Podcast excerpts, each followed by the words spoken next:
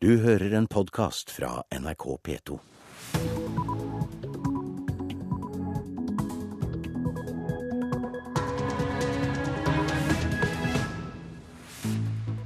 Velkommen til Nyhetsmorgen. Klokka er 6.30. Programleder i dag er Anne Jetlund Hansen. Dette er hovedsakene den neste halvtimen. Mange utenlandske kvinner får opphold i Norge fordi de har blitt mishandlet, og voldshandlingene er grove, sier Geila Rystadmoa ved krisesenteret i Bergen. Da er det slag, spark, det er grove blåmerker, det er brudd og osv. Det er voldtekter. De, de, låner sine koner til andre, til kamerater, fordi de skylder dem penger. Forholdet som Arbeiderpartiets Roger Ingebrigtsen hadde til en ung kvinne for åtte år siden kan bli politianmeldt, sier advokaten hennes. CO2-utslippene øker med mer enn 3% hvert år. Det er dramatisk, mener miljøvernorganisasjoner.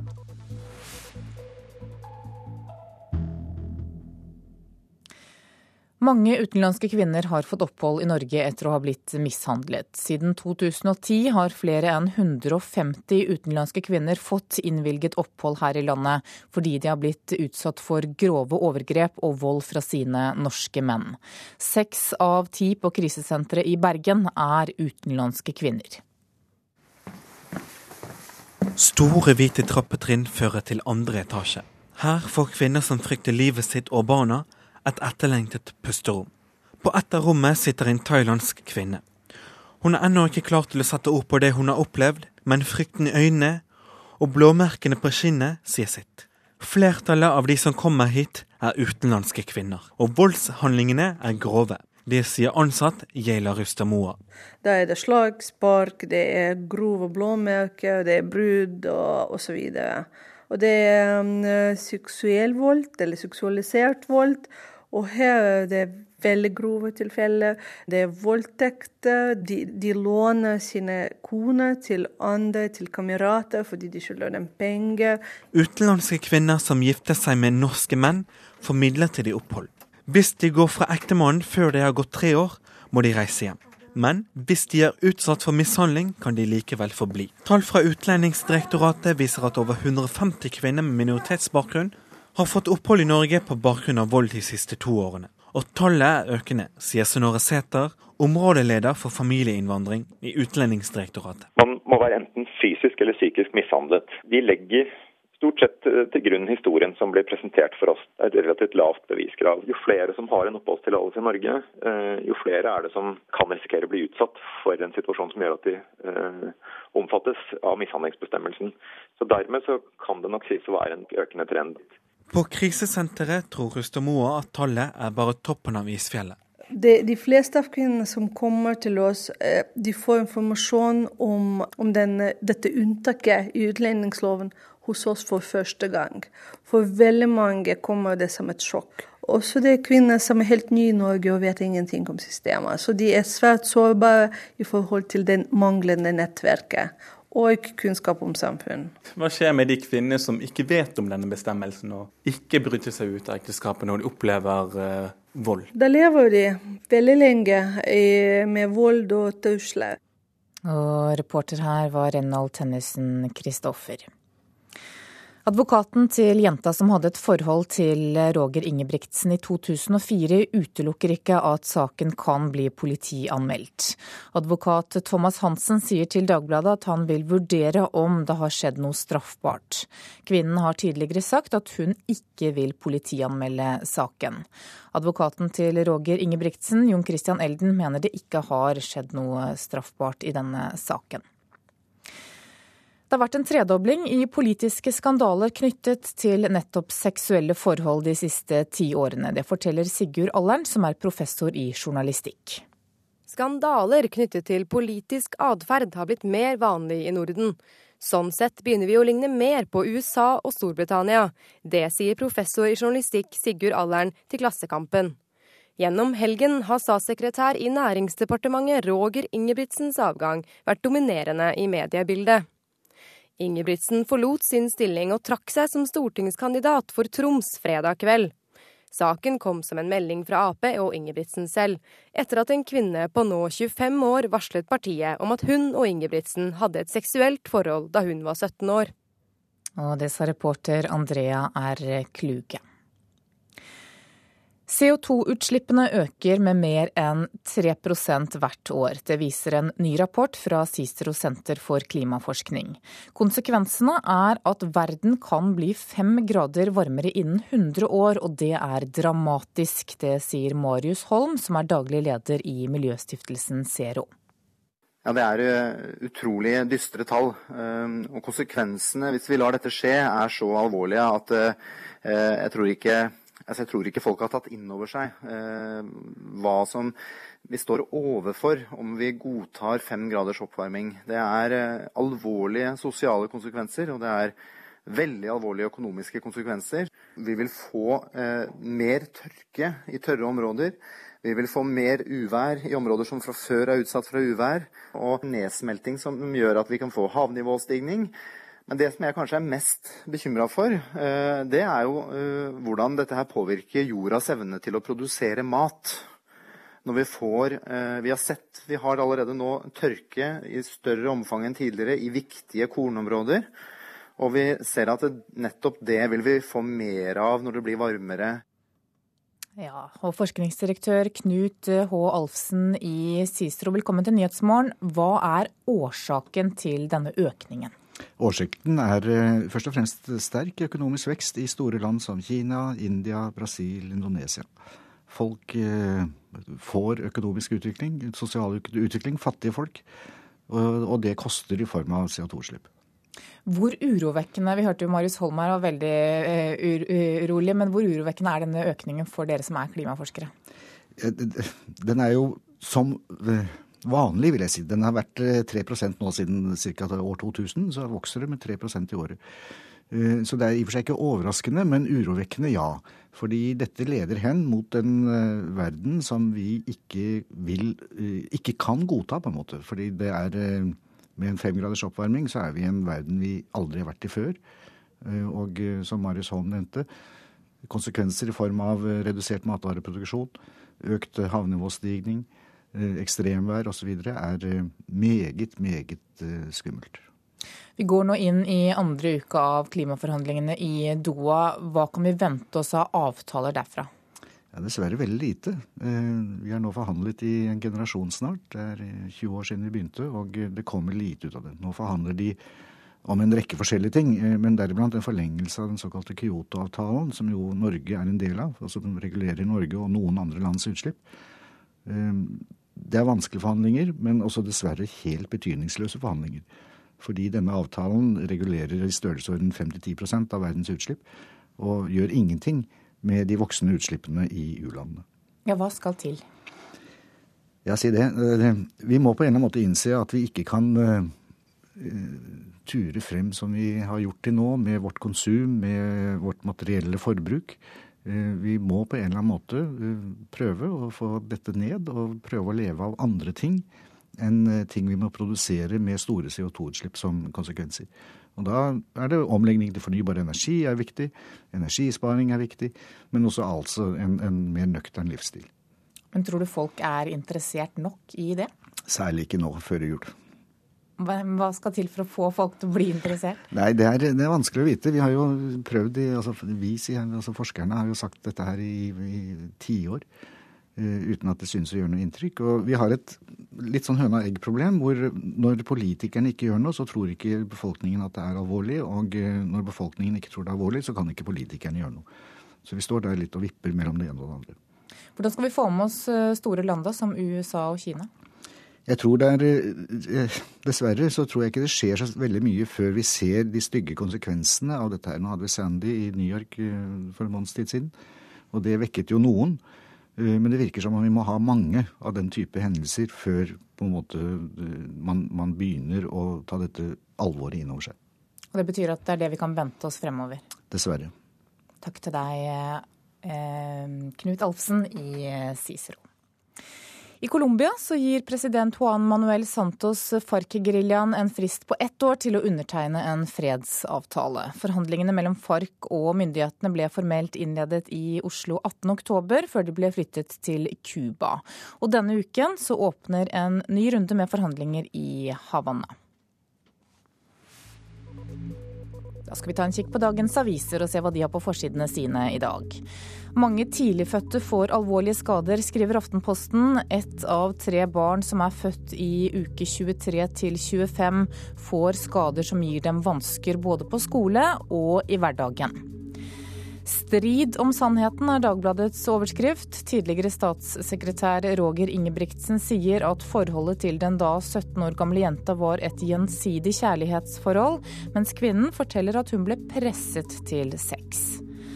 Sexskandalen ryster Arbeiderpartiet, det slår Dagsavisen fast. Ingebrigtsens avgang som politiker er det råeste som har rammet en Ap-politiker på mange år, skriver Dagsavisens Arne Strand.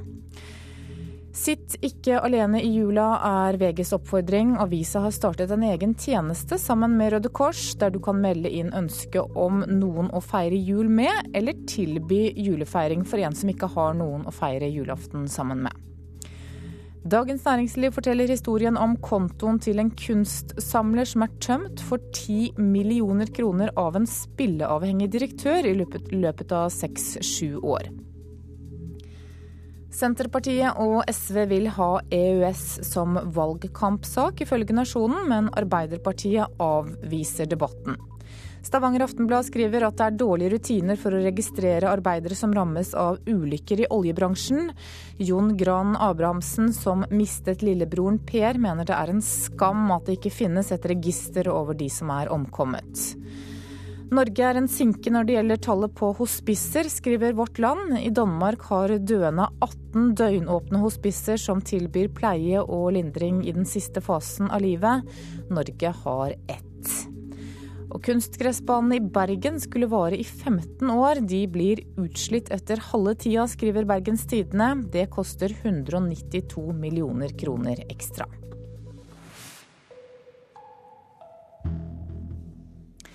Skal vi ha sport i Nyhetsmorgen. Tora Berger vant alle tre distansene på kvinnesiden under verdenscupen i skiskyting i Østersund denne helgen. Men bak Berger er det tynt med norske pallplasser de siste sesongene. Likevel tror hun at det ikke er lenge før hun vil få selskap av sine lagvenninner på seierspallen. Eh, nei, det er vel snart på tide at det kommer noen flere, da. Okay. Ja, for ser man på Norges 20 siste pallplasseringer i kvinneskiskyting, står Tora Berger for samtlige av de 20. Ikke siden Ann-Kristin Flatlands seier på sprinten i Oberhof i januar 2011 har noen av de andre norske jentene stått for topplasseringer i verdenscupen. Berger tror at den trenden kan snu, med litt mindre nerver på standplass. Ja, jeg vet de kan bedre enn de har gjort. Det har kanskje vært litt uh, høye skuldre kanskje litt nerver før verdenscupen starta. Så det er potensial for at det kan komme jenter der og, og hjelpe til litt med noen podiumplasser. Og jeg tror nok da at det kommer noen flere ganske snart. Det, det blir litt mange bom på standplass. Det, det, er klart at det må en, må en gjøre noe med. Det trenger tid. Det, trenger, det er unge løpere.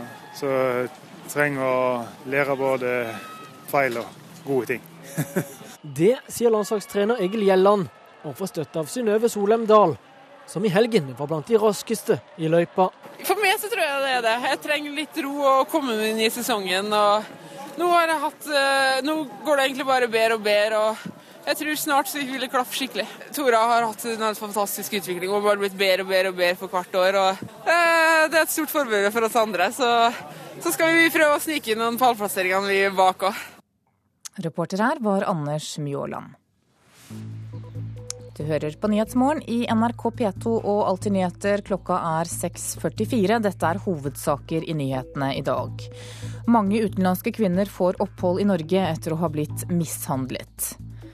Det har vært en tredobling i politiske skandaler knyttet til seksuelle forhold de siste ti årene, sier forsker. Og følg med oss videre og møt en mann som gikk på 26 julebord hvert år i ti år. Årsaken var at han hadde mange tillitsverv.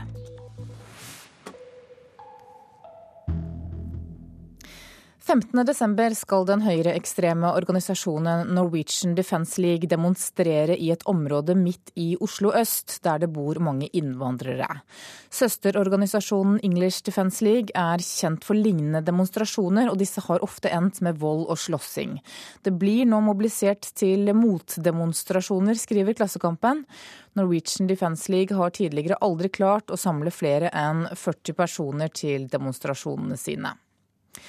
Foreldre må få hjelp til å hindre at barna blir ekstremister. Det mener Tina Shagufta Kornmo i nettverket Likestilling, integrering, mangfold.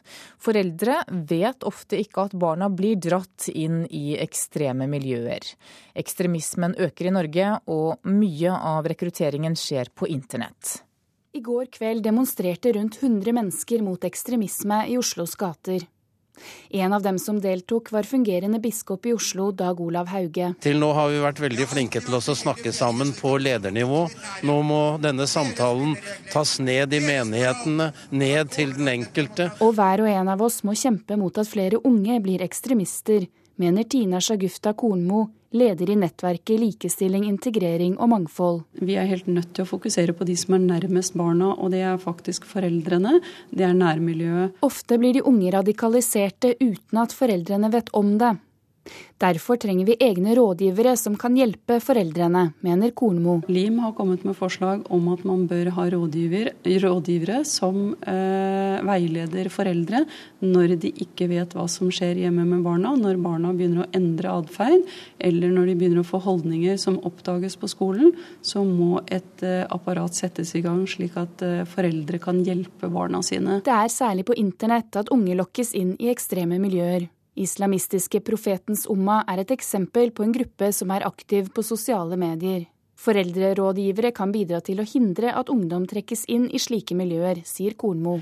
Dette her blir jo et forebyggende tiltak eh, i forhold til de som allerede er voksne og som har eh, ekstreme holdninger. Så tenker vi at der også er det nødt til å være et eh, fokus på nærmiljøet deres og på de familiene som er rundt de som er, har ekstreme holdninger. Og reportere her var Ida Kvittingen og Linda Reinholdsen. Kronprinsesse Mette-Marit reiste til India i oktober for å passe to nyfødte surrogatibarn. Barna tilhører et homofilt par som er venner av kronprinsessen, der den ene er ansatt ved kongehuset. Paret selv ble hindret i å reise pga. visumproblemer, skriver Haugesunds Avis. Norske myndigheter fraråder nordmenn å inngå avtaler med surrogatmødre i utlandet. Arkeologer har lokalisert flere av Edvard Munchs atelier i Vestby kommune i Akershus. Og i to søppelfyllinger bak huset som Munch eide, har de funnet møbler, malersaker, staffelier og andre gjenstander som kan ha tilhørt maleren. Funnene skal vises frem for publikum som en del av Munch-jubileet til neste år. Arkeologer sitter på huk og graver i jorda med små spader bak huset som var eid av maleren Edvard Munch fra 1910 til hans død i 1944. Vi er på Nedre Ramme gård i Vestby kommune i Akershus. Hele posen her er da korker og malingstuber. Og da ser man grønnfargen. Arkeolog Reidun Aasheim viser frem små biter av Edvard Munchs maletuber. De nye funnene viser at det var her maleren hadde sitt friluftsatelier, hvor han bl.a. malte skissene til det kjente solmotivet som dekker vegger i universitetets aula i Oslo. Men dette er bare ett av mange nye funn på gården som vil gi helt ny kunnskap om den kjente maleren, mener eier av Rammegård, Petter Olsen. Jo, det betyr at vi får en eh, bekreftelse på på det som har eh, vært her, og det som har skjedd.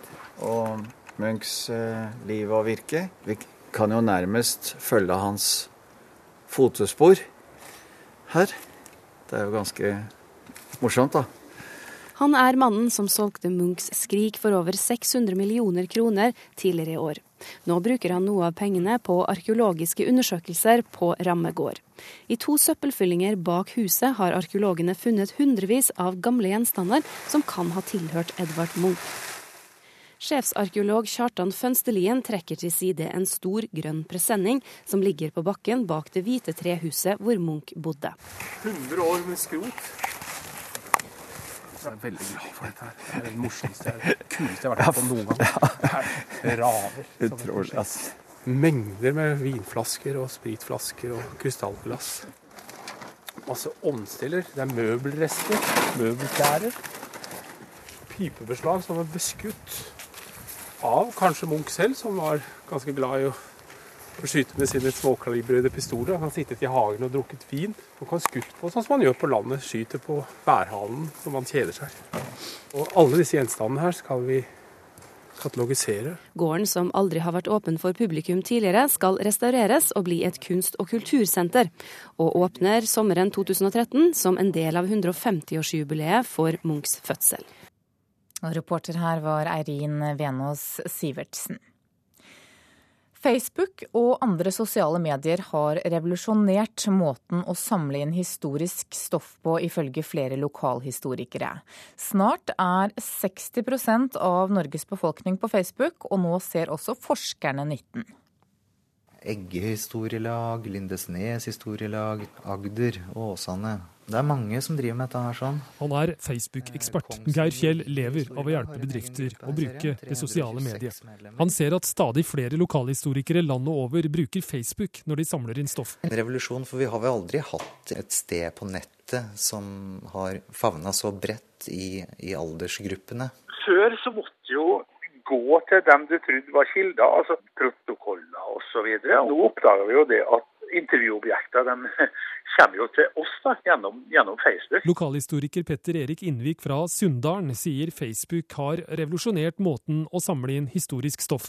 Innvik skriver lokalhistorieboka 100 år i Sunndalen. Etter at han ba om hjelp på Facebook, har det strømmet på med bilder, historier, bakgrunnsstoff og tips til historieboka. 60 minutter så kom det 50 kommentarer. Det førte til et voldsomt engasjement. Nå etter sju måneder har vi altså fått 2175 medlemmer, 12 og 1300 bilder, og så har vi uhorvelig mange tusen kommentarer. Det forundrer meg ikke. Det favner tre generasjoner. Over halve Norges befolkning er på Facebook, så, så tror jeg det er et potensial for at den gruppa kan komme til å bli enda større. Snart er 60% av Norges befolkning på Facebook. Nå ser også forskere nytten. Mye nyttig. Det er en veldig stor interesse blant folk. Sier avdelingsleder Kari Larsen ved Norsk institutt for kulturminneforskning. De har brukt Facebook-gruppene til kulturarv på Rjukan og Notodden aktivt for å samle inn stoff. Folk var veldig opptatt av. Vi fikk veldig mye god informasjon om særlig den nære historien. Sin egen barndom, sin egen oppvekst.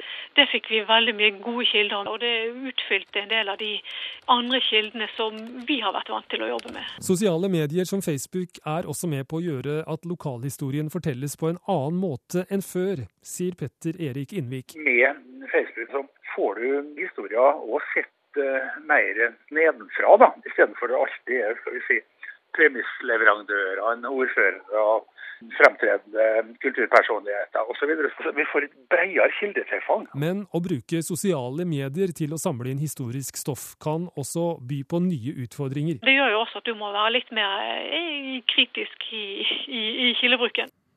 Reporter her, det var Stein S. Eide. Har du noen gang kneppet opp vesten, tatt av deg beltet eller løsnet litt på kjolen bare for å få plass til litt mer under julebordet? Husk på at det kan gå for langt, selv om det bare er jul én gang i året.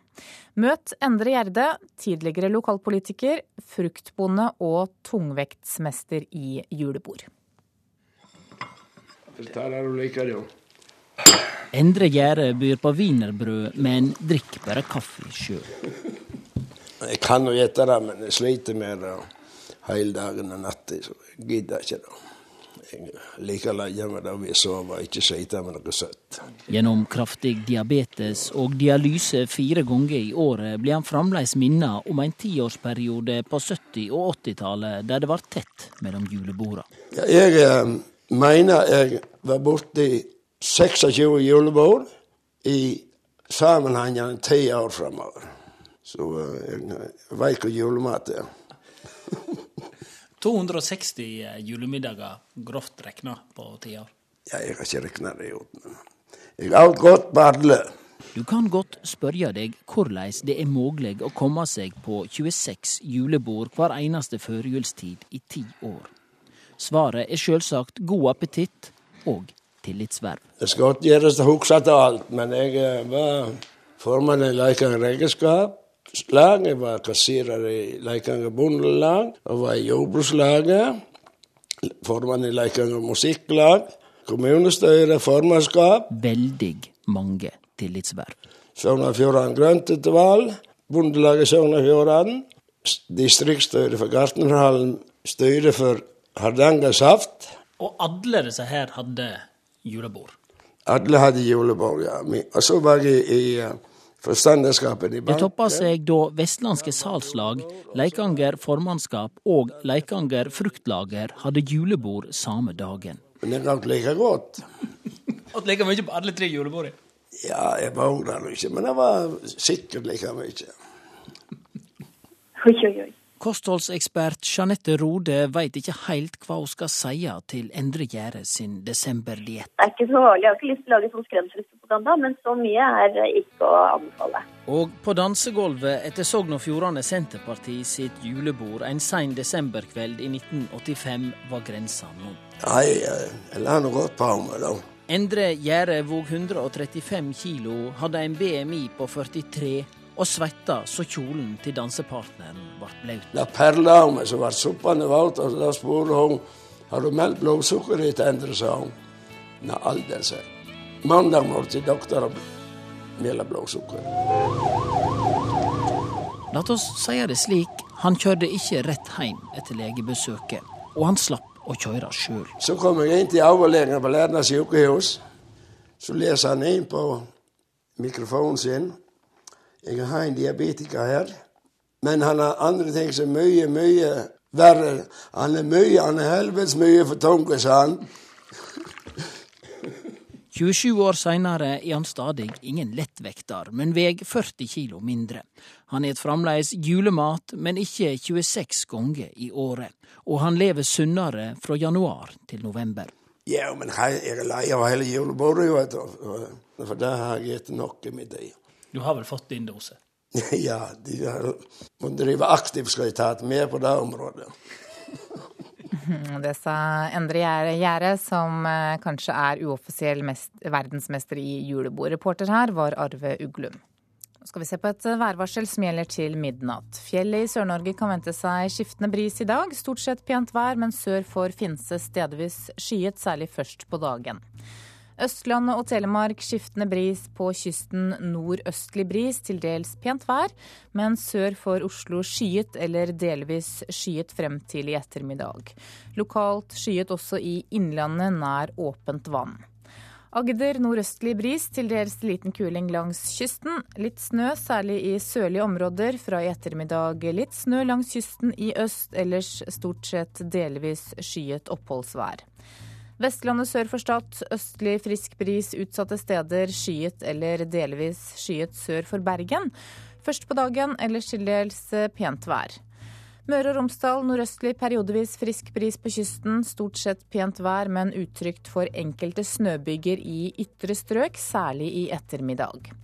Trøndelag skiftende bris, opp til frisk bris på kysten. Utrygt for snøbyger første del av dagen, vesentlig i ytre strøk. For øvrig til dels pent vær. Helgeland, Saltfjellet, Salten og Ofoten østlig bris. I kveld til dels frisk bris, for det meste delvis skyet oppholdsvær. Lofoten og Vesterålen kan vente seg nordøstlig frisk bris utsatte steder i dag. Periodevis liten kuling på yttersiden. Delvis skyet, enkelte snøbyger, vesentlig også på yttersiden. Troms nordøstlig av og til liten kuling på kysten. Skyet eller delvis skyet. Enkelte snøbyger, vesentlig i ytre strøk. Finnmark nordøstlig frisk bris utsatte steder. På kysten periodevis liten kuling. Skyet eller delvis skyet. Snøbyger vesentlig i kyststrøkene, flest byger i øst. Og på Nordensjøland på Spitsbergen sørøstlig bris, frisk bris på kysten i vest og delvis skyet oppholdsvær.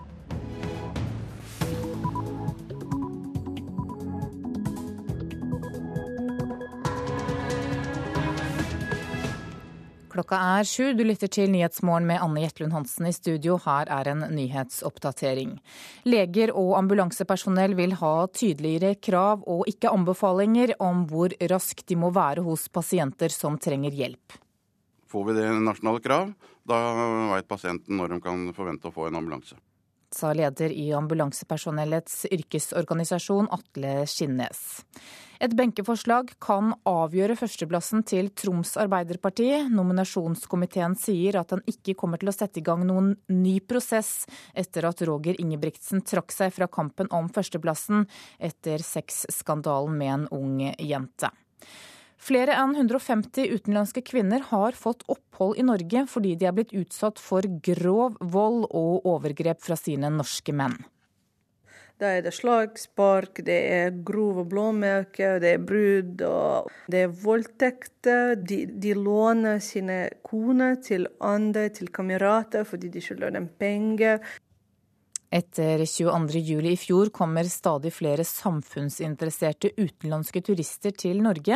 Hovedorganisasjonen Virke tror angrepene, rosetogene og nordmenns reaksjoner i ukene som fulgte er noen av årsakene. Kjøpepress og førjulsstress, vi kjenner det alle sammen. I desember skal vi dessuten gå på førjulskonserter, kose oss og slappe av hjemme. Både leger og ambulansepersonell ønsker å ha klare krav til hvor raskt de må være hos pasienter som trenger hjelp. I dag finnes det bare nasjonale anbefalinger og ikke krav til responstid. En ny rapport fra Helsedirektoratet viser at det er store forskjeller blant landets 19 ambulansetjenester på hvor lang tid de bruker på å rykke ut til pasienten. Her mottar vi meldinga. Her rykker vi ut. Her er vi framme, og her reiser vi fra ulike steder. Her trykker vi 'leverer mottak'. Trykker på nytt når vi da er ledige for et nytt oppdrag.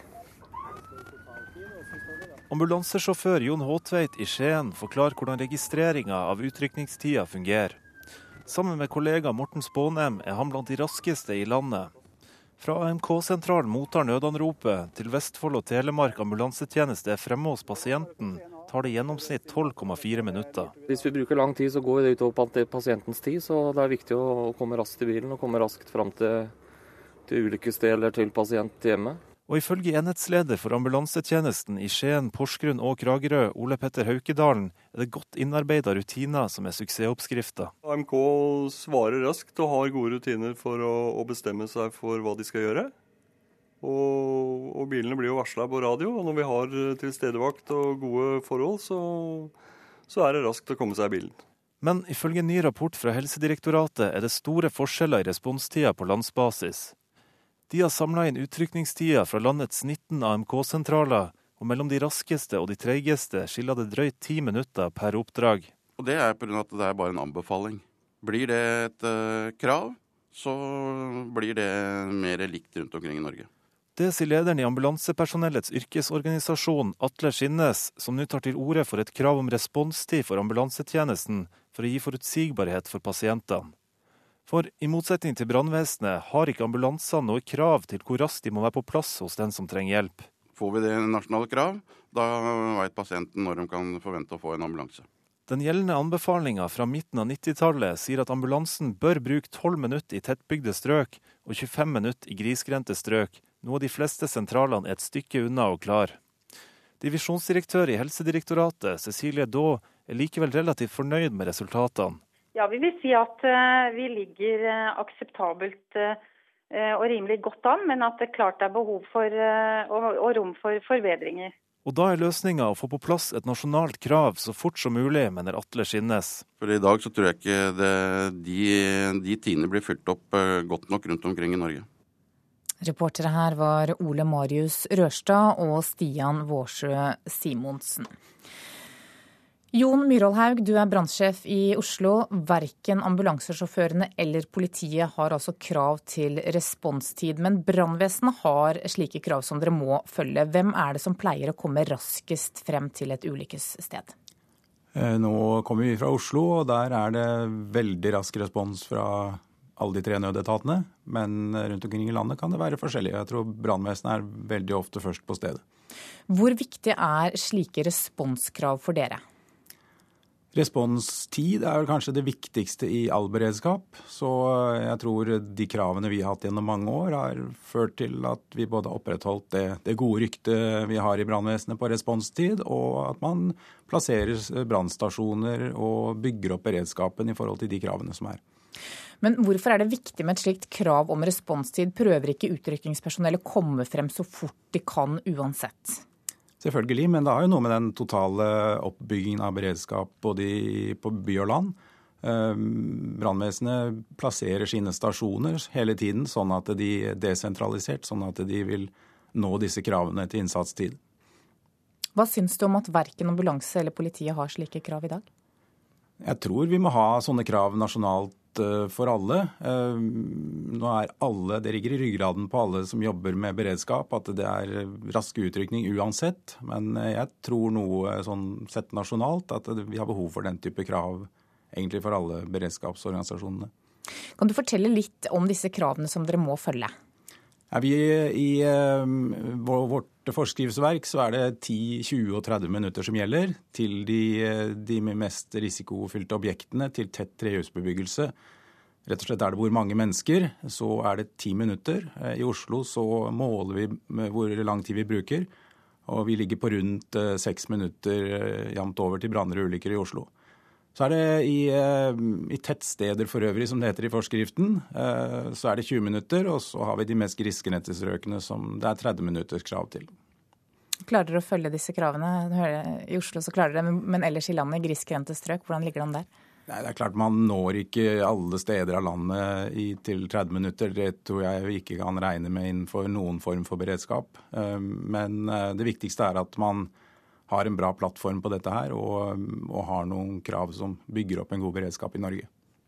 Takk til deg, Jon Myhrvold som er brannsjef i Oslo. Det er ikke aktuelt å sette i gang en ny prosess i kommunepartiene til Arbeiderpartiet i Troms om navn på kandidater etter at Roger Ingebrigtsen fredag trakk seg fra kampen om førsteplassen. Det sier leder av nominasjonskomiteen, Roald Linaker. Nei, sånn som jeg vurderer det, så bør det ikke være grunnlag for det. fordi at um, Det har vært gjort et grundig arbeid. og Nå har vi fått en situasjon. Så får vi se hva vi uh, gjør i forhold til det. Men uh, Det er selvfølgelig en, en, mulighet å gjøre det, men, men jeg, jeg, vil i hvert fall ikke anbefale det. Nominasjonskomiteen leverte en delt innstilling om førsteplassen. Nå utelukker ikke Roald Linaker at det vil komme benkeforslag om førsteplassen etter at Roger Ingebrigtsen trakk seg. Vi vet også at det vil kunne komme med nye, nye kandidater gjennom benkeforslag og sånne ting. Men eh, jeg tror komiteen skal klare å levere en samla innstilling. Slik du ser det, det som har skjedd nå, styrker det Martin Henriksen sine sjanser til førsteplassen? Martin Henriksen har jo bra standing i, i fylket. Når Roger nå har trukket seg, så, så, er det klart at i utgangspunktet så, så, burde det være en styrke for Martin Henriksens kandidatur. Men, men nå skal nå dagene og uken går fremover, så får vi se. Marianne Bremnes fra Arbeiderpartiet er ordfører i Harstad. Hun kjemper for Martin Henriksen på førsteplass. Den saken her har jo på ingen måte styrka Martins uh, sak, for å si det sånn. fordi at uh, dette her er jo trist også for, for uh, oss som støtter Martin. sånn at hvis noen tror at, at, dette her ville være Nå vil vi bare applaudere fram Martin, og da skal alt være i orden, så er det dette her er i første rekke trist for hele partiet. Eh, og jeg syns Roger har opptrådt ryddig og ordentlig når det nå først kom fram. For Martin sin del. Det går nok veien hans, men, eh, men eh, det er jo ikke noen god sak for han heller. Målselv Arbeiderparti hadde støtta Roger Ingebrigtsen på førsteplass. Kommunepartileder Steffen Jacobsen håper, etter det som nå har skjedd, at Troms Arbeiderparti kan samle seg om én kandidat på førsteplass. Vi hadde jo det første listeforslaget der vi hadde Roger på Nå er situasjonen helt annen. så Vi må diskutere det og altså, komme fram til enighet. Jeg håper jo at fylkespartiet kommer til å klare å enes om, om en kandidat som skal stå på topp av de andre kandidatene, og at man kjører en god prosess. Hvem bør være den samlende kandidaten? Det vil jo den prosessen vise. Og reporter her var Lars Egil Mogård. Og det har vært en tredobling i tollet på politiske skandaler knyttet til personlige forhold de siste ti årene. Det sier professor i journalistikk Sigurd Allern, som viser til statistikk i Norden.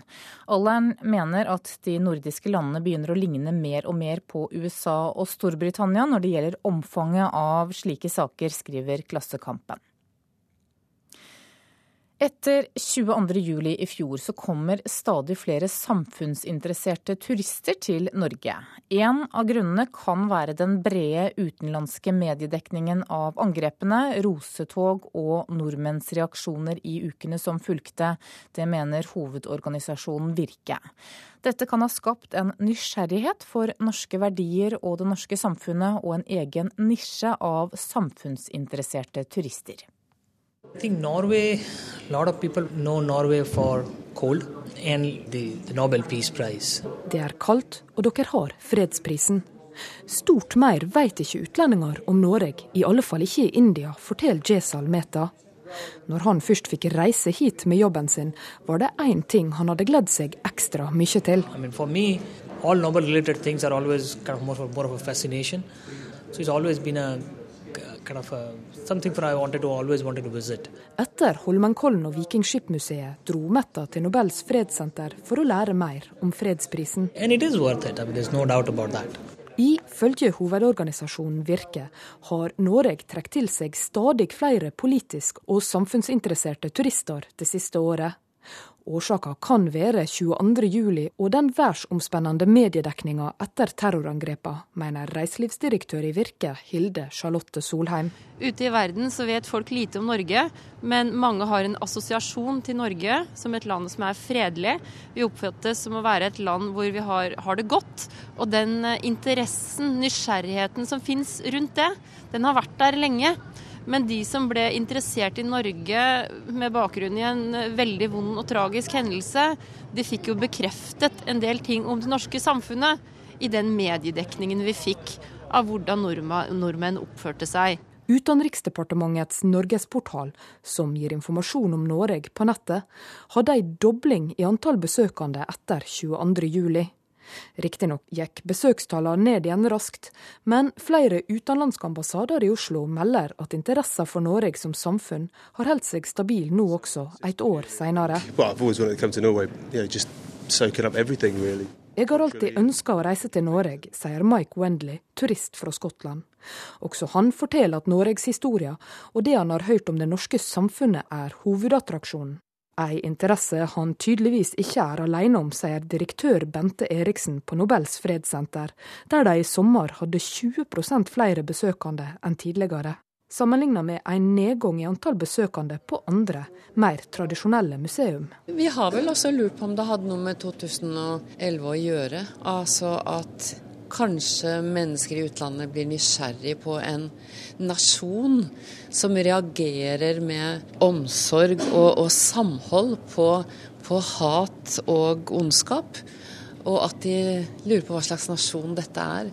Med fredsprisen og stadig norsk engasjement i utlandet vil folk bli minnet om Norge fra tid til annen, og det vil også resultere i turisme, tror Solheim i Virke. Den samfunnsinteresserte turisten kan vi nok se enda flere av i framtiden i Norge. Reporter var Ellen Sporstøl. Klokka nærmer seg 7.14. Du hører på Nyhetsmorgen. Dette er hovedsaker i dag. Leger og ambulansepersonell vil ha krav om hvor raskt de må være hos pasienter som trenger hjelp. CO2-utslippene i verden økte med 3% i fjor. Fortsetter det slik, kan temperaturen på jorda stige med 5 grader i løpet av 100 år. Og i dag er det 20 år siden verdens første SMS ble sendt.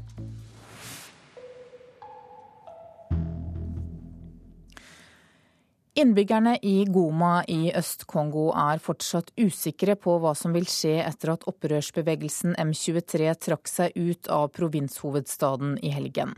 For militsen står bare 20 km utenfor millionbyen, rapporterer Afrikakorrespondent Lars Sigurd Sunnanå. Tilbake i Goma 13 dager etter at de stakk av. Kongolesiske politifolk er igjen på plass i den nordlige Kivu-provinsens hovedstad. De kom med en ferge fra Bukavo i sørenden av Kivusjøen, dit de hadde flyktet da opprørsbevegelsen M23 kom. Lørdag trakk opprørerne seg ut av millionbyen, og de lot da de 300 politifolkene om bord på fergen få gå i land. På vei gjennom Goma ble de hilst velkommen tilbake av begeistrede innbyggere. Richard Alirva Kabambi var en av dem. I'm very happy. So I went to see the soldier for Congolese, and me, I'm Congolese. I'm very happy. Langsomt har livet normalisert seg. Stengte forretninger åpnes igjen, og handelen går livlig på det store Virunga-markedet i Goma.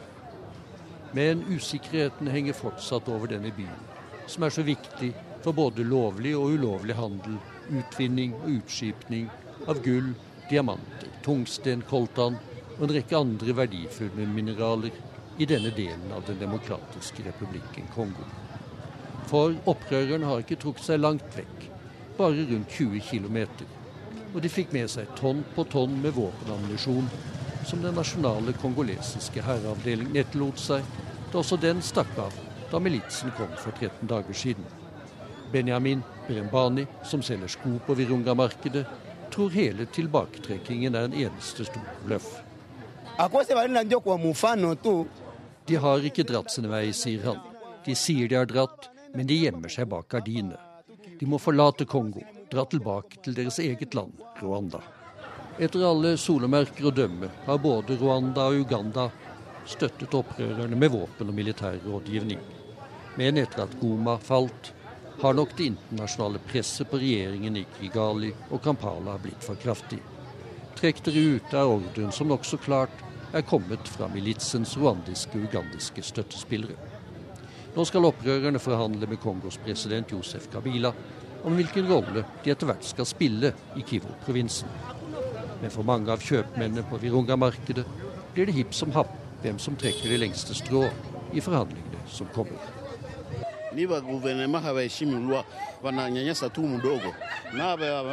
Regjeringssoldatene undertrykker oss hele tiden når de er her, sier Fidel Paloko. M23 prøver å få folk til å tro at de er gode mennesker, men det er de ikke.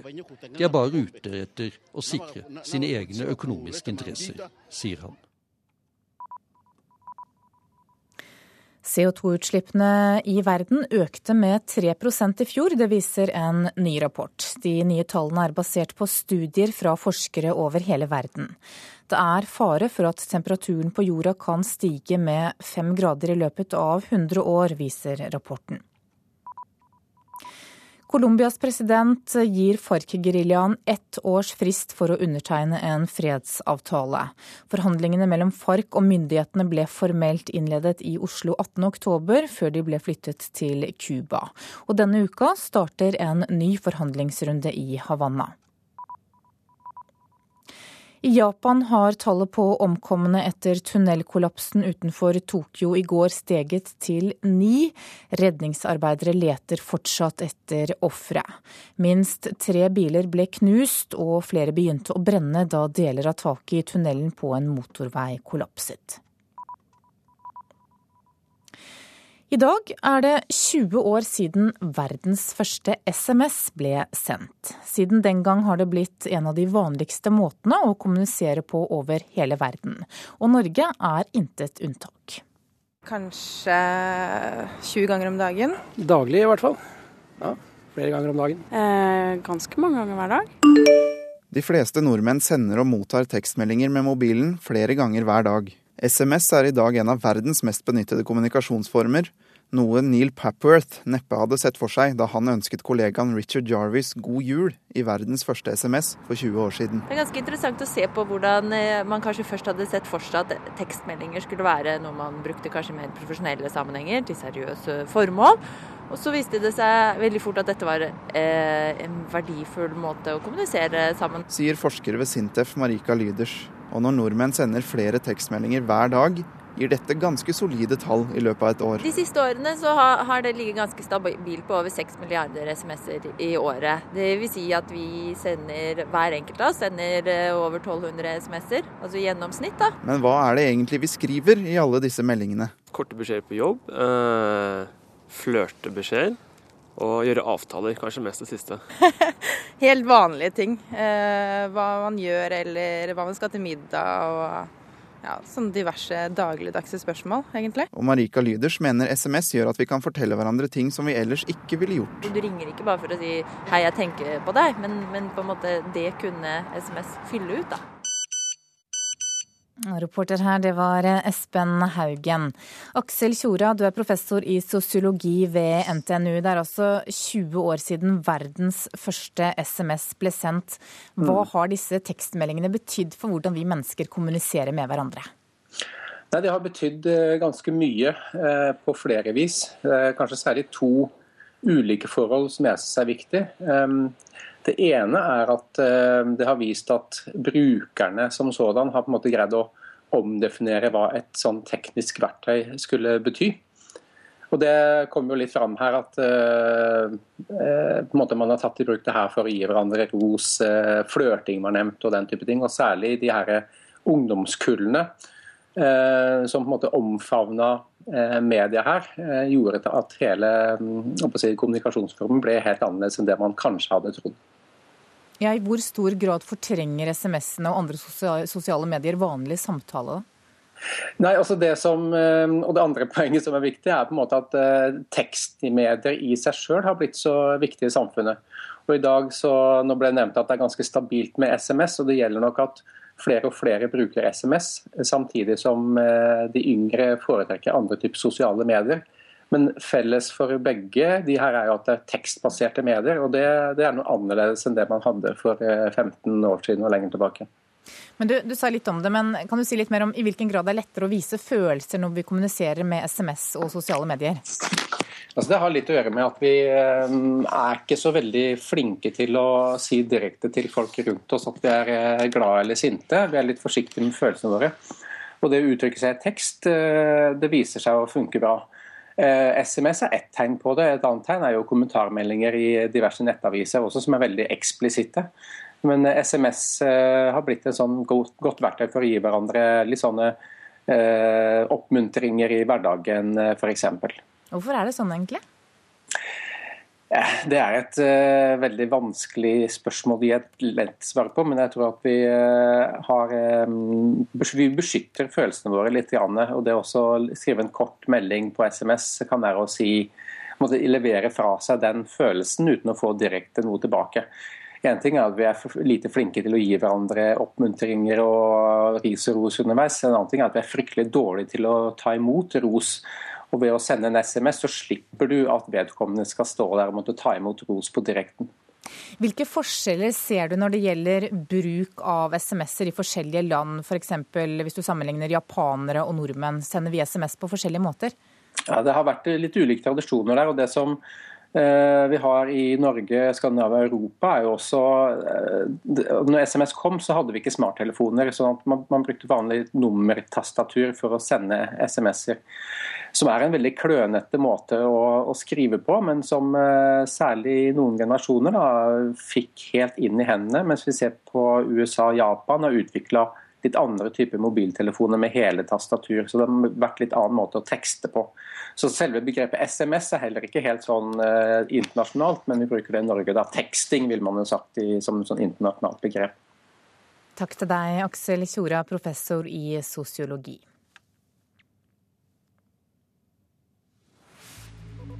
Og da skal vi ta en kikk på dagens aviser og se hva de har på forsidene sine i dag. Mange tidligfødte får alvorlige skader, skriver Aftenposten. Ett av tre barn som er født i uke 23 til 25 får skader som gir dem vansker på skolen og i hverdagen. Strid om sannheten er Dagbladets overskrift. Tidligere statssekretær Roger Ingebrigtsen sier at forholdet til den da 17 år gamle jenta var et gjensidig kjærlighetsforhold mens kvinnen forteller at hun ble presset til sex. Sexskandalen ryster hele Arbeiderpartiet, skriver Dagsavisen. Ingebrigtsens avgang som politiker er det råeste som har rammet en Arbeiderpartipolitiker på mange år, skriver kommentator Arne Strand.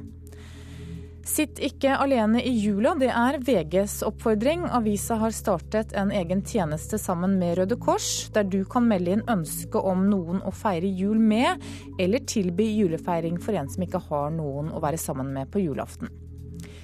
Den høyreekstreme gruppen Norwegian Defence League provoserer, skriver Klassekampen. Gruppen vil demonstrere i parkområdet på østkanten i Oslo, der det bor mange innvandrere.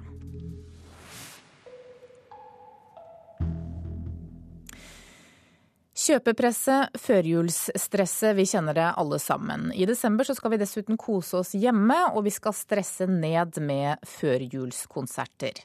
I Harstad-regionen alene så er det 50 konserter i desember, og noen lokker med både fisk og sexleketøy.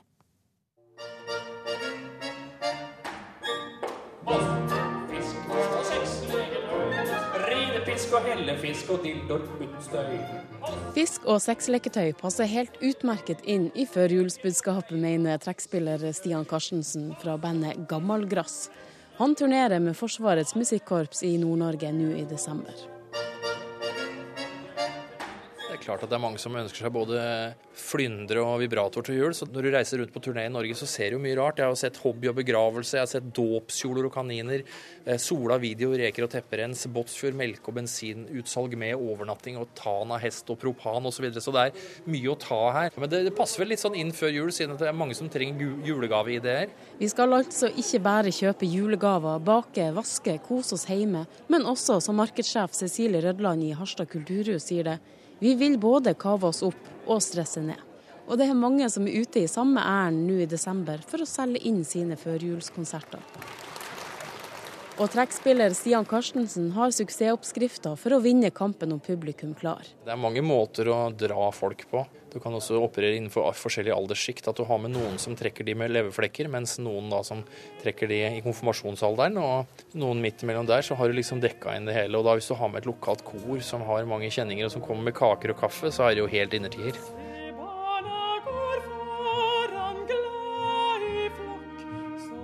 I den klassiske en av konsertskalaen er verdensstjerna mezzosopran Marianne Beate Kielland. Hun holder sjøl fire konserter for jul, men har ikke sansen for de kommersielle førjulskonseptene. Jeg mener faktisk at de som drar rundt og, og, og gjør 35 konserter eh, landet rundt i desember av en kommersiell hensikt, at de, de ødelegger mye markedet for de gode, tradisjonelle, lokale kreftene som lager julekonsert hvert år. Som har gjort det i alle alle år. og så vil folk heller gå på de her kjendisene enn en eh, det lokale mannskoret. Det er litt trist, egentlig. Lisa Stokke er en av de som synger 30-tallskonserter i kirka og kulturhus før jul. Sammen med lokale kor på stedene hun besøker, får forestillinga 'Julenatt' gode kritikker. Jeg syns det er veldig fint å gå ut på juleturné. Um, jeg opplevde jo i fjor uh, hvor veldig spesielt det å gå i møte med folk i jula. At du står og synger sanger som betyr noe for veldig mange. Og du har på en måte et veldig stort ansvar som artist for at, at folk skal føle at de kan roe ned, at du gir dem noe spesielt som de trenger til jul. Selv om Marianne Beate Kielland ikke liker førjulskonseptet som Lisa Stokke og andre artister er en del av, så har hun stor forståelse for at det er vanskelig å leve av musikk for tida. Det er jo beintøft, spesielt innenfor uh, kanskje den der rytmisk uh, musical-pop-bransjen er det jo det er så mange, og det kommer nye hele tiden. og det er så mange døgnfluer, på en måte. Så det er klart at det er jo en, sikkert en fantastisk trygghet for de som da kan tjene 200 000-300 000 i desember, så slipper de å stresse resten av året. Så klart det skal vi ikke se bort ifra. Men for publikum som kanskje ellers i året ikke har et så godt konserttilbud, så står opplevelsene i kø nå før jul.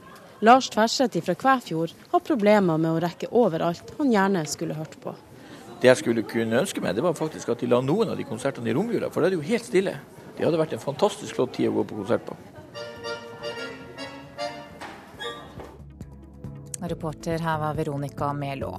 I Politisk kvarter klokka 7.45 så blir det mer om saken rundt Roger Ingebrigtsen. Produsent for Nyhetsmorgen i dag heter Ulf Tannes Fjell. I studio Anne Jetlund Hansen. Straks får du Dagsnytt. Du hører en podkast fra NRK P2. Det er tre ganger så mange politiske skandaler utløst av seksuell atferd som for ti år siden. Ambulansetjenesten vil ha strengere krav ved utrykning, har bare en anbefaling om å rykke ut innen tolv minutter. Og politikere og vanlige folk må våkne. Klimaproblemene er blodig alvor, advarer klimaforsker. Her er NRK Dagsnytt klokken 7.30. Det har vært en tredobling i politiske medieskandaler de siste ti årene. Det har Sigurd Allern, professor i journalistikk, funnet ut gjennom en undersøkelse av politiske skandaler fra 1980 til 2010. Jeg tror det er flere samvirkende faktorer. For det første så um, kan det være normendringer. At en del ting som man så over så gjennom fingrene med før, eh, blir eh, sett på som mer alvorlig nå.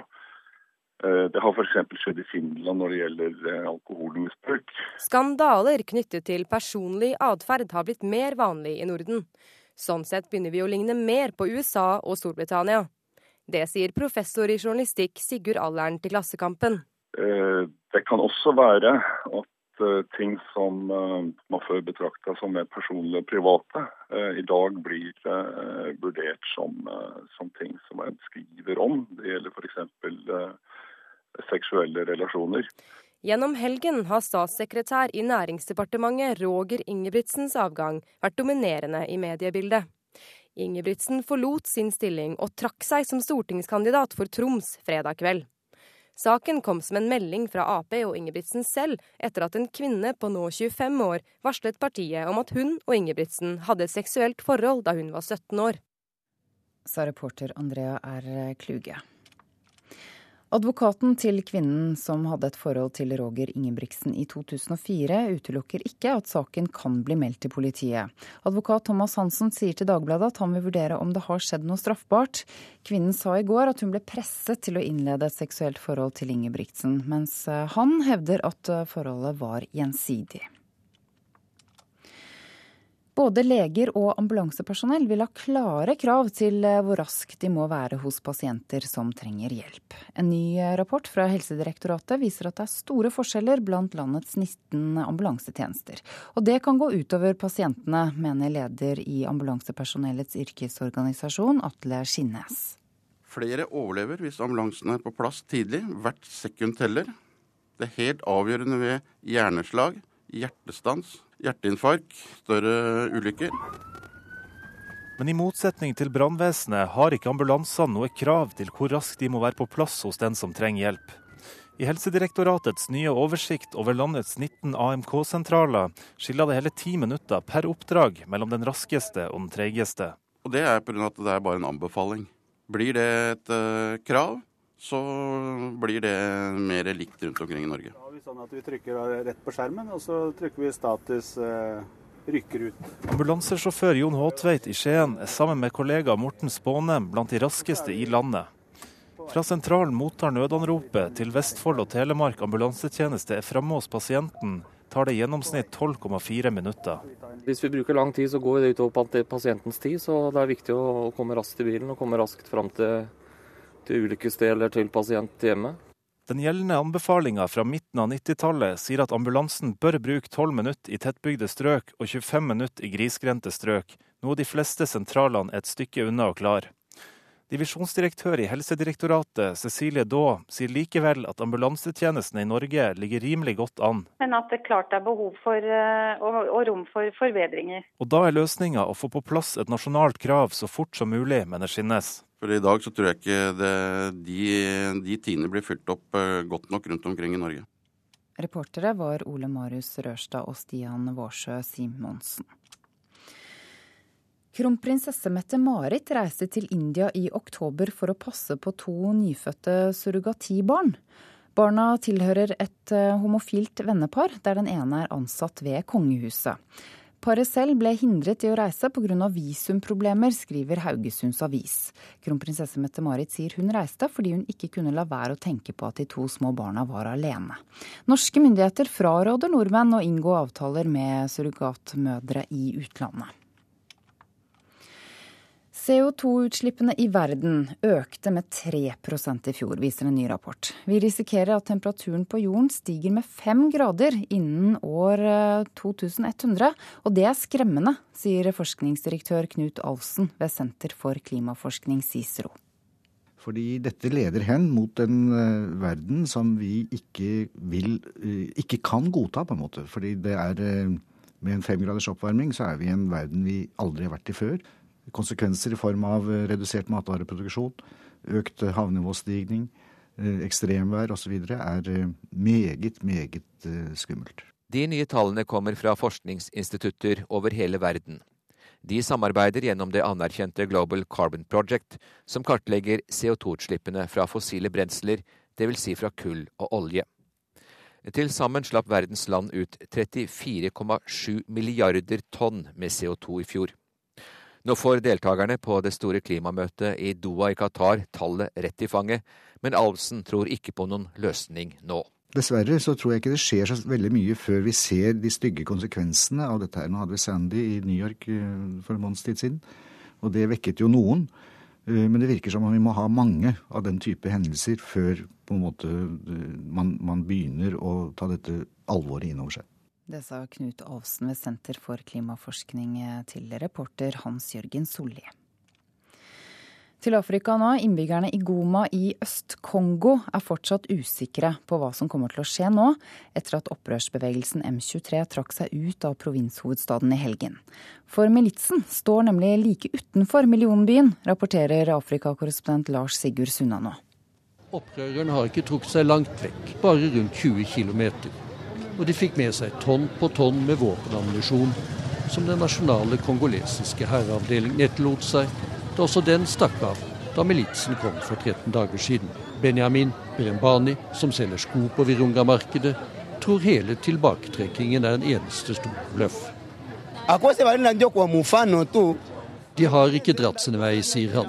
De sier de har dratt, men de gjemmer seg bak gardinene. Nå skal opprørerne forhandle med Kongos president Josef Kabila om hvilken rolle de etter hvert skal spille i Kivu-provinsen. Etter 22.07 i fjor kommer stadig flere samfunnsinteresserte turister hit til landet. Mediedekningen av rosetog og de norske reaksjonene på angrepene kan ha skapt en nysgjerrighet for norske verdier og en egen nisje for samfunnsinteresserte turister, mener hovedorganisasjonen Virke.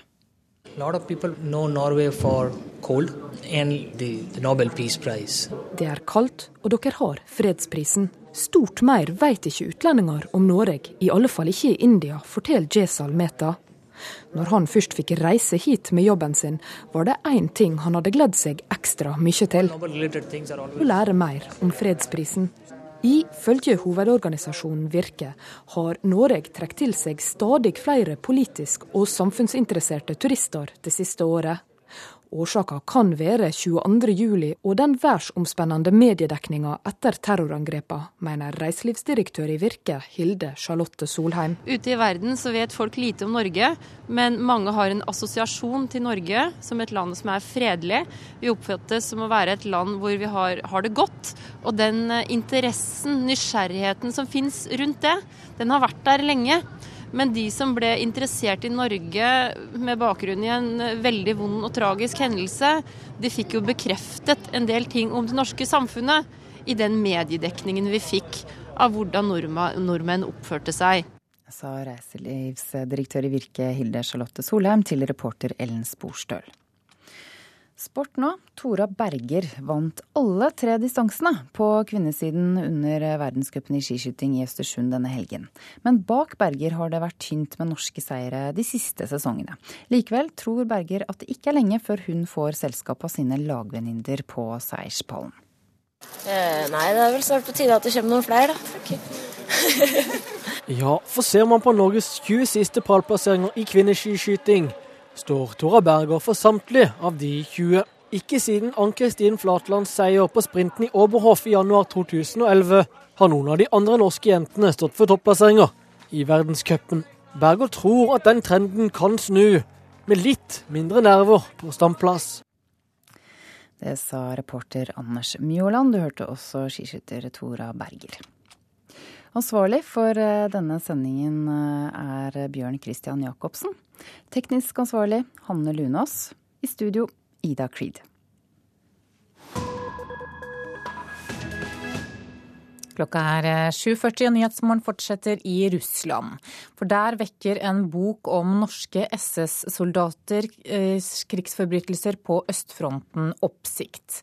Boka 'Himmlers Norge' er viktig fordi Øst-Europa ikke har tatt et oppgjør med holocaust, sier direktøren ved et nytt jødisk museum, som vår korrespondent Hans-Wilhelm Steinfeld har besøkt.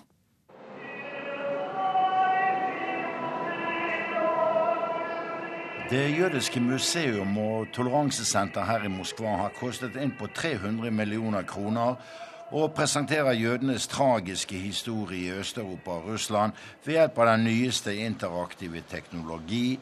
Og Gamle testamentet formidles i dette tidligere ateistsamfunnet nå ved hjelp av kinoens 5D-format.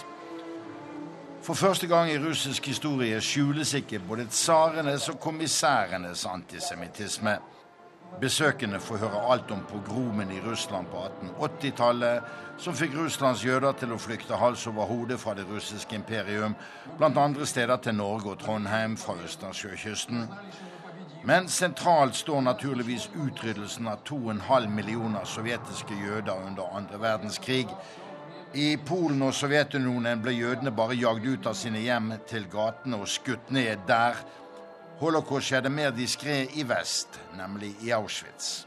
Utryddelsen av sovjetjødene kunne skje så fort og brutalt lokalt fordi det var utstrakt lokalt medløperi med de tyske nazistene, viser museumsdokumentasjonen, sier lederen Baruch Gorin. На Украине был массовый коллаборационизм, и, собственно, среди полицаев были украинцы и так далее. И это касается не только Украины, но еще в большей степени, скажем, Польши и Литвы. I Ukraina var det massiv kollaborering med de tyske nazistene, særlig blant de ukrainske gendarmene. Men dette medløperiet var enda mer massivt i Latvia og Litauen, sier Baruch Gorin. I Riga ble f.eks. jødene bare meid ned i bakgaten, og 16. mars i år ble det arrangert en stor marsj i Riga med presidentens forståelse, der Waffen-SS ble hedret. I Øst-Europa kom jødene under dobbelt ild, hatet både av tyskerne og slavene lengst øst, sier Baruch Gorin, som leder det jødiske museum i Moskva. Конечно. Вообще любая, как мы видели в любом диктаторском режиме, любая официальная ненависть к какому-либо классу или нации Også folket ynder å ha noen å legge skylden på, så vi jøder var alltid prygelknaben eller syndebukkene her i øst, sier Baruch Gorin. Mellomkrigstiden var best for sovjetjødene, men nazipropaganda og Josef Stalins totalitære ideologi skapte ny antisemittisme i sovjetsamfunnet etter krigen og i hele det sovjetdominerte Øst-Europa, forteller museumslederen.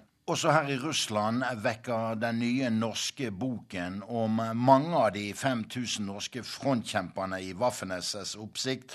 For det norske holocaust-senteret har nå dokumentert hvor mye mer aktivt nordmennene deltok i utryddingen av sovjetjødene, og Baruch Goren sier dette om boken 'Himmlers Norge', som nettopp er utkommet. Я думаю, что сейчас они, к сожалению, опять стали невероятно важны. Вообще казалось, по крайней мере, в Западной Европе, Dessverre er slike bøker igjen blitt viktigere. I Vesten tok man et oppgjør med holocaust etter krigen, men ikke i Øst-Europa, og det høster vi nå fruktene av, sier Baruch Gorin. Han peker på at denazifiseringen i vest ga folk en vaksine mot totalitær tenkning, men slikt ikke ble mulig i østblokken fordi konsentrasjonsleirer og hemmelig politi à la tyskernes bar oppe hele kommunistdiktaturet både i Øst-Europa og i Sovjetunionen. Det sa vår Moskva-korrespondent Hans-Wilhelm Steinfeld. Klokka er 7.44. Dette er hovedsaker i Nyhetsmorgen. Det er tre ganger så mange politiske skandaler utløst av seksuell atferd som for ti år siden, sier professor. Ambulansetjenesten etterlyser strengere utrykningskrav. I dag har den bare en anbefaling om å rykke ut innen tolv minutter. Og nå må vi våkne. Klimaproblemene er blodig alvor, advarer klimaforsker. Programleder Bjørn Myklebust, hva som skulle være dagens sak i Politisk kvarter, ga seg vel selv? Roger Ingebrigtsen trakk seg fra kampen om stortingsplass for Troms Arbeiderparti. Men hva skjer nå? Kan Martin Henriksen bli fjernet fra førsteplassen på lista? Vil en ny nominasjonsrunde bety at man ikke tror på Henriksen? Eller på jenta?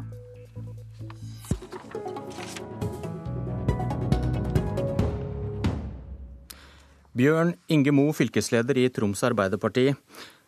Er det en god morgen? Det har ikke hatt noen særlig gode morgener de siste fire-fem dagene. Du, Roger Ingebrigtsen han har trukket seg fra nominasjonskampen etter at han innrømmet et forhold til en ung jente i partiet for noen år siden. Jenta varslet sin venn Tonje Brenna, rådgiver for Jens Stoltenberg og samboer med Martin Henriksen, som skulle kjempe med Ingebrigtsen om stortingsplass. Er det om det har skjedd noe ulovlig, uvesentlig for den jobben du gjør? Nei, det er klart at uh, i forhold til den jobben jeg gjør nå, så er det på veldig mange nivåer i organisasjonen. Det er jo, det er jo å klare å holde en stø kurs på skuta når, når, når, folk får et sånt her sjokk. Og, og det føler nå egentlig så langt at vi har klart. Men er det uvesentlig for deg om det har skjedd noe ulovlig eller ikke? Nei, det er ikke, aldeles ikke uvesentlig for meg. Og, men jeg har, ikke, jeg har ikke forutsetninger for å spekulere i det. Altså. Men, men, det som i alle fall har skjedd, er at det så, var, så alvorlige ting at, at Jungstorget med partisekretær Raymond Johansen og, og Roger Ingebrigtsen har gått så klart ut og gjort de tingene de har gjort. Og, som egentlig forteller at det, det har i alle fall skjedd noe som aldri skulle ha skjedd. Denne kvinnens advokat sier de vurderer å anmelde Ingebrigtsen. Hva, hva tenker du om det? Nei, jeg, jeg, tør egentlig ikke å spekulere omkring det. Altså, jeg, tror, jeg, tror, jeg får lov å overlate til den advokaten å svare på de forholdene. Men, men, den situasjonen det er i Troms Arbeiderparti, ville det ikke vært det beste for begges rettssikkerhet, nå som påstand står mot påstand? Det tror jeg at, det tror jeg at de som representerer de her to, kanskje er best skikka til å, å vurdere. Lokallaget i Tromsø krever en helt ny nominasjonsprosess. Det kom fram på et møte i går. Lederen for nominasjonskomiteen sier at det er helt uaktuelt. Hva sier du? Nei, jeg må jo bare si i forhold til det, i forhold til alminnelig organisasjonsskikk, så har vi hatt tilfeller før hvor, hvor har et navn en har trukket seg fra lista. Og, og, og man må jo ikke blåse det altfor mye opp. Og det er to ting som er førende for meg her. Det ene det er jo faktisk det at at eh, vi har en frist, en intern frist som er satt av sentralstyret i partiet på et listeforslag klart 15.12. Og så føler jeg at det blir veldig galt at man i denne saken at det på, på en måte fremstår som at man har en mistillit til nominasjonskomiteen. Og jeg har full tillit til både lederen i komiteen og alle de andre medlemmene som sitter i komiteen, og som så langt har fronta ulike kandidater i den prosessen. Det er jo faktisk sånn en komité skal fungere. Så jeg har, jeg har ingen grunn til å og, og, og, Jeg skal selvfølgelig drøfte det med styret i kveld, og det vi helt sikkert kommer til å bli enige om, det er å følge de retningslinjer vi har, og gjøre det på en, en klok og, og god måte. Som ikke bidrar til å skape mer spekulasjoner. Kan dette kravet tolkes som mistillit mot Martin Henriksen? Jeg har ikke lyst til å gå ut på noen slags tolkning av denne saken. Her er, her er bare tapere. Og, og, og, og, det at Martin Henriksen sin integritet blir trukket i, i, i, tvil som følge av handlinger en annen person har gjort, som har vært så alvorlig at, at den saken burde ha vært varsla uansett på hvilke tidspunkt den hadde kommet fram. Det ser jeg som, det ser jeg som veldig, veldig dumt at det skjer. Men mener du det er det Tromsø Arbeiderparti bidrar til, når de nå krever en helt ny nominasjonsprosess, som noen da mener er for å, for å fjerne Martin Henriksen? Ja, jeg, det, jeg har ikke snakka med lederen i Troms Arbeiderparti, så jeg tør heller ikke å begi meg ut på noen slags spekulasjon om hva som er bakgrunnen for det. Men jeg kan nesten ikke tro at det er det som er bakgrunnen. Men du vil gjerne finne det ut? Ja. Er det et splittet fylkeslag du leder nå? Jeg føler det egentlig ikke sånn. Jeg har snakka med veldig mange mennesker i løpet av de siste dagene. Og vi er i alle fall enige om én en ting, selv om man kan være uenige om både personvalg og saker. Så vi er enige om at det er utrolig viktig nå å holde hodet kaldt og gjøre de rette tingene, og ikke bidra til verken spekulasjoner som, som, skader alle dem som har det så forferdelig vondt i denne saken akkurat nå. Så, så, så, de tingene er vi enige om, men det, det, det, er det viktigste utgangspunktet vi kan ha for å komme videre. Så jeg føler at vi har vi er enige om det vesentlige, og det å, å gå videre og sørge for at vi igjen skal få satt fokus på de tingene som vi til vanligvis jobber, jobber med, nemlig å utvikle en god politikk både for, for land og, og region. Du, vil du be andre som har opplevd noe lignende som denne kvinnen, om å stå fram? Jeg, jeg mener faktisk det at det er utrolig viktig at, at folk som har opplevd sånne ting i forhold til voksne politikere, står fram. Hva vil du gjøre for at dette her ikke skjer igjen? Nei, jeg, Det tror jeg også det er litt viktig at det tar med, med de styrende organene i fylkespartiet. Men jeg føler egentlig at vi har hatt en, har hatt en veldig høy stemning i forhold til akkurat de her tingene. Og, og, og prøvd å ta vare på de unge som kommer inn i partiorganisasjonen. Men det, det er klart at det er et par ting vi bør få på plass. Det er nemlig at terskelen for å melde slike ting blir mye lavere. Og den andre tingen vi, vi, kanskje bør bli litt flinkere til, det er til å gå litt på hva slags etisk nivå skal man ha i, i samkvem i partiorganisasjonen. Takk for at du var med, Bjørn Inge Moe, fylkesleder i Troms Arbeiderparti. Sjefredaktør i Vårt Land, Helge Simones. Er det problematisk å sette i gang en ny nominasjonsprosess etter det som har skjedd? Jeg kan ikke nok om nominasjonsprosessen i Troms, eh, men jeg er ganske sikker på at eh, saka virker å være håndtert på en god måte til nå. Eh, Arbeiderpartiet har åpenbart lært veldig mye av Øygard-saka, som også var et asymmetrisk forhold, og nå gjentar det seg.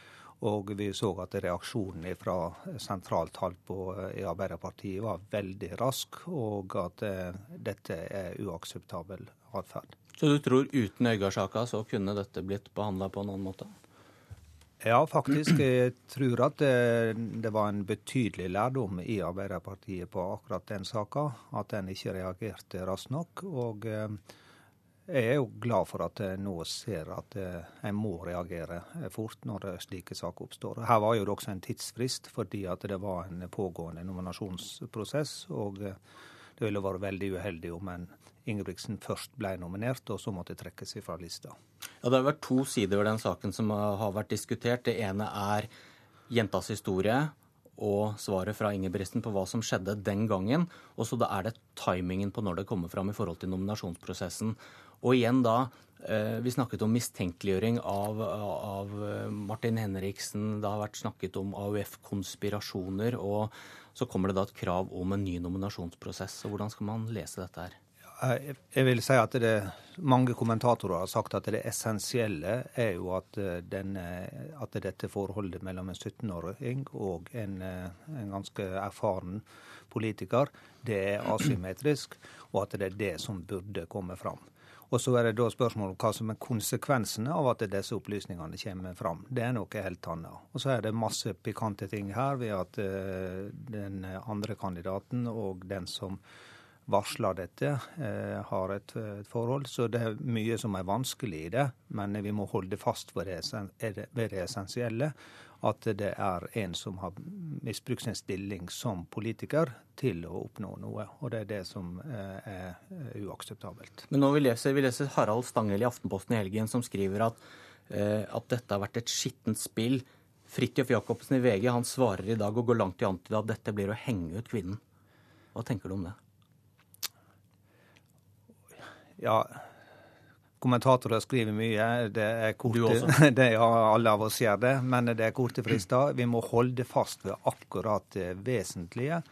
Og det at noen har, har gjort noe galt, og så er det relativt uinteressant. Altså Det er jo interessant om det er et lovbrudd eller ikke et lovbrudd, men eh, uansett om det har vært over eller under seksuell lavalder, når eh, sentrale politikere omgir seg med unge jenter på denne måten, så forteller det noe om vurderingsevna, og som kan være veldig dårlig å ha med seg i politikken. Journalistikkprofessor Sigurd Allern sier til Klassekampen i dag at det har vært en tredobling av politiske skandaler i Norden, der det er personlige forhold som ligger bak. Hva tenker du om en slik utvikling? Ja, jeg tenker at det utvikler seg en, at at terskelen for å si, si ifra om slike saker er blitt lavere. Jeg tror også dette her med det, har vært en enorm liberalisering når det gjelder forholdet til sex. Vi ser at det ofte skjer i sammenheng med alkoholbruk. Så det er mange ting som i samfunnsutviklinga som gjør at dette ikke er overraskende at det, vi får en slik utvikling. Men dette er også noe som vi ser internasjonalt. Vi har hatt eh, den franske politikeren som eh, hadde kjempeproblem. Så her er det mye som skjer. Leder i Unge Venstre, Sveinung Rotevatn. Fikk du noen flashbacks når Ingebrigtsen-saken kom på fredag? Jeg tror det er mange i norsk politikk som eh, får både flashbacks og som tenker tilbake på eh, vonde og vanskelige saker som har vært i sine parti. Vi har jo sett det de siste årene at det har vært mange tøffe saker. Det har vært forskjellige. Eh, både når det gjelder i hva grad noe ulovlig har skjedd, og, og hvor det har skjedd, og også alder. Men men det som har vært fellestrekket, er jo det interessante. Og det er jo at det er snakk om eh, voksne menn eh, i politiske partier som har viktige posisjoner. Eh, og som har hatt eh, forhold med eh, yngre kvinner fra ungdomspartier. Eh, som i seg selv representerer tillitsbrudd, og som i veldig mange tilfeller har vært utnyttelse av maktposisjon.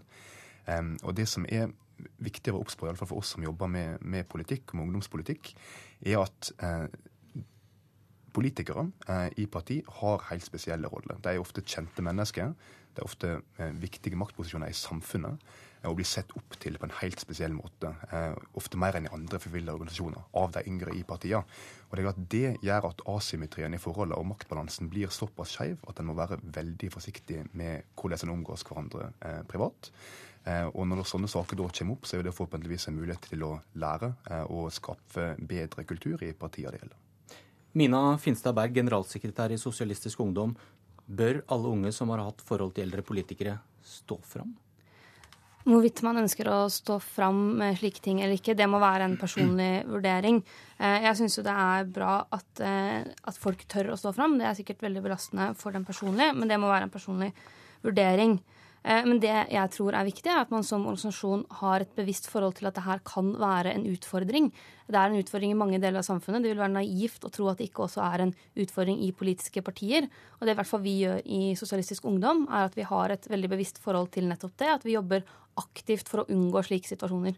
Er det naivt å tro at det også ikke skjer i SV, som er deres moderparti, som dere møter på partisammenhenger? Jeg skal på ingen måte påstå at det her ikke kunne ha skjedd i vårt parti også, men jeg tror det har noe å si at vi har et så bevisst forhold til det. Eh, det her er en del av ledelsesskoleringa for alle våre tillitsvalgte. Alle våre tillitsvalgte får veldig tidlig beskjed om at det er uakseptabelt å utnytte posisjon og verv seksuelt eller i andre sosiale sammenhenger. Og Det tror jeg også gjør at det er kanskje lettere å si fra hvis man opplever ubehagelige situasjoner, fordi man veit at det her er noe det ikke er aksept for i organisasjonen. At ikke, man vil få backing lov, på det. Ikke, ikke lov å pule nedover, sier vel dere? ja, det, det høres jo litt flåste ut, men det som er viktig, er å være bevisst på at politisk og formell makt også fører med seg sosial eh, og uformell makt, og at den kan misbrukes, og at det kan skape en del uheldige situasjoner. Jeg tror det er vanskelig å, å, å vedta i, i, dokumentet en veldig god organisasjonskultur. Dette handler om relasjoner mellom mennesker, eh, og det er eh, komplekst. Eh, og det handler om fra vår side å bygge gode holdninger veldig tidlig blant folk i, i lederposisjon. Og et bevisst forhold til hva som gjelder alkoholbruk i organisasjonslivet. Men dette vet jo aldri, og likevel så skjer det gang på gang. Jeg tror i hvert fall det som skjer, er at ting kommer fram oftere nå enn det kanskje gjorde før. Det er jo i utgangspunktet positivt at det er mulig å snakke om sånne ting. Og det tror jeg også er en veldig viktig tiltak. At det er mulig å Eh, kunne stå fram og på en måte fortsatt være en del av partiet etterpå. At han ikke ble støtt helt ut. For det er klart det er vanskelig å stå i sånne mediestormer. Men det vi nå ser, er jo egentlig det som er den mørke side av det som egentlig er noe veldig positivt i Norge. Nemlig at ungdom har mulighet til å være med på lik linje med voksne i eh, politiske beslutningsprosesser, på politiske konferanser, og bli kjent med voksne politikere som har makt. Det er veldig bra det at ungdom har mulighet til det, men det fører også med seg en del eh, vanskelige eh, situasjoner å håndtere som kan oppstå, eh, og det er jo det vi sitter og diskuterer nå. Ja, Nå tror jeg faktisk at dette kommer til å bli ganske mye bedre. Fordi at eh, det har vært så stor oppmerksomhet om disse sakene at eh, de aller fleste eh, fornuftige politikere vil lære seg å holde seg i skinnet. Dette er gamle saker som nå kommer opp. og når de nå vil få denne medieoppmerksomheten, så er det helt åpenbart at skal du ha sjanse som politiker, så kan du ikke holde på på den måten. Jeg tror også at vi i SU har en fordel fordi vi ikke har alkohol på våre arrangementer, eh, og at eh, det gjør at man opplever mindre kjipe situasjoner. Men det er det vel på landsmøtene, er det ikke det? da? I Sosialistisk Ungdom er det totalt alkoholforbud. Men dere møter dem på, eh, i SV-sammenheng? Selvfølgelig, men da har vi også et bevisst forhold til det. Men det jeg tror som sagt er viktig, er at i sånne situasjoner så kan det oppstå gråstoner. Da er det alltid ledelsen som har ansvar. Takk for at dere var med i Politisk kvarter i dag. Jeg heter Bjørn Myklebust, og nå fortsetter Nyhetsmorgen med Anne Jetlund. Du har hørt en podkast fra NRK P2.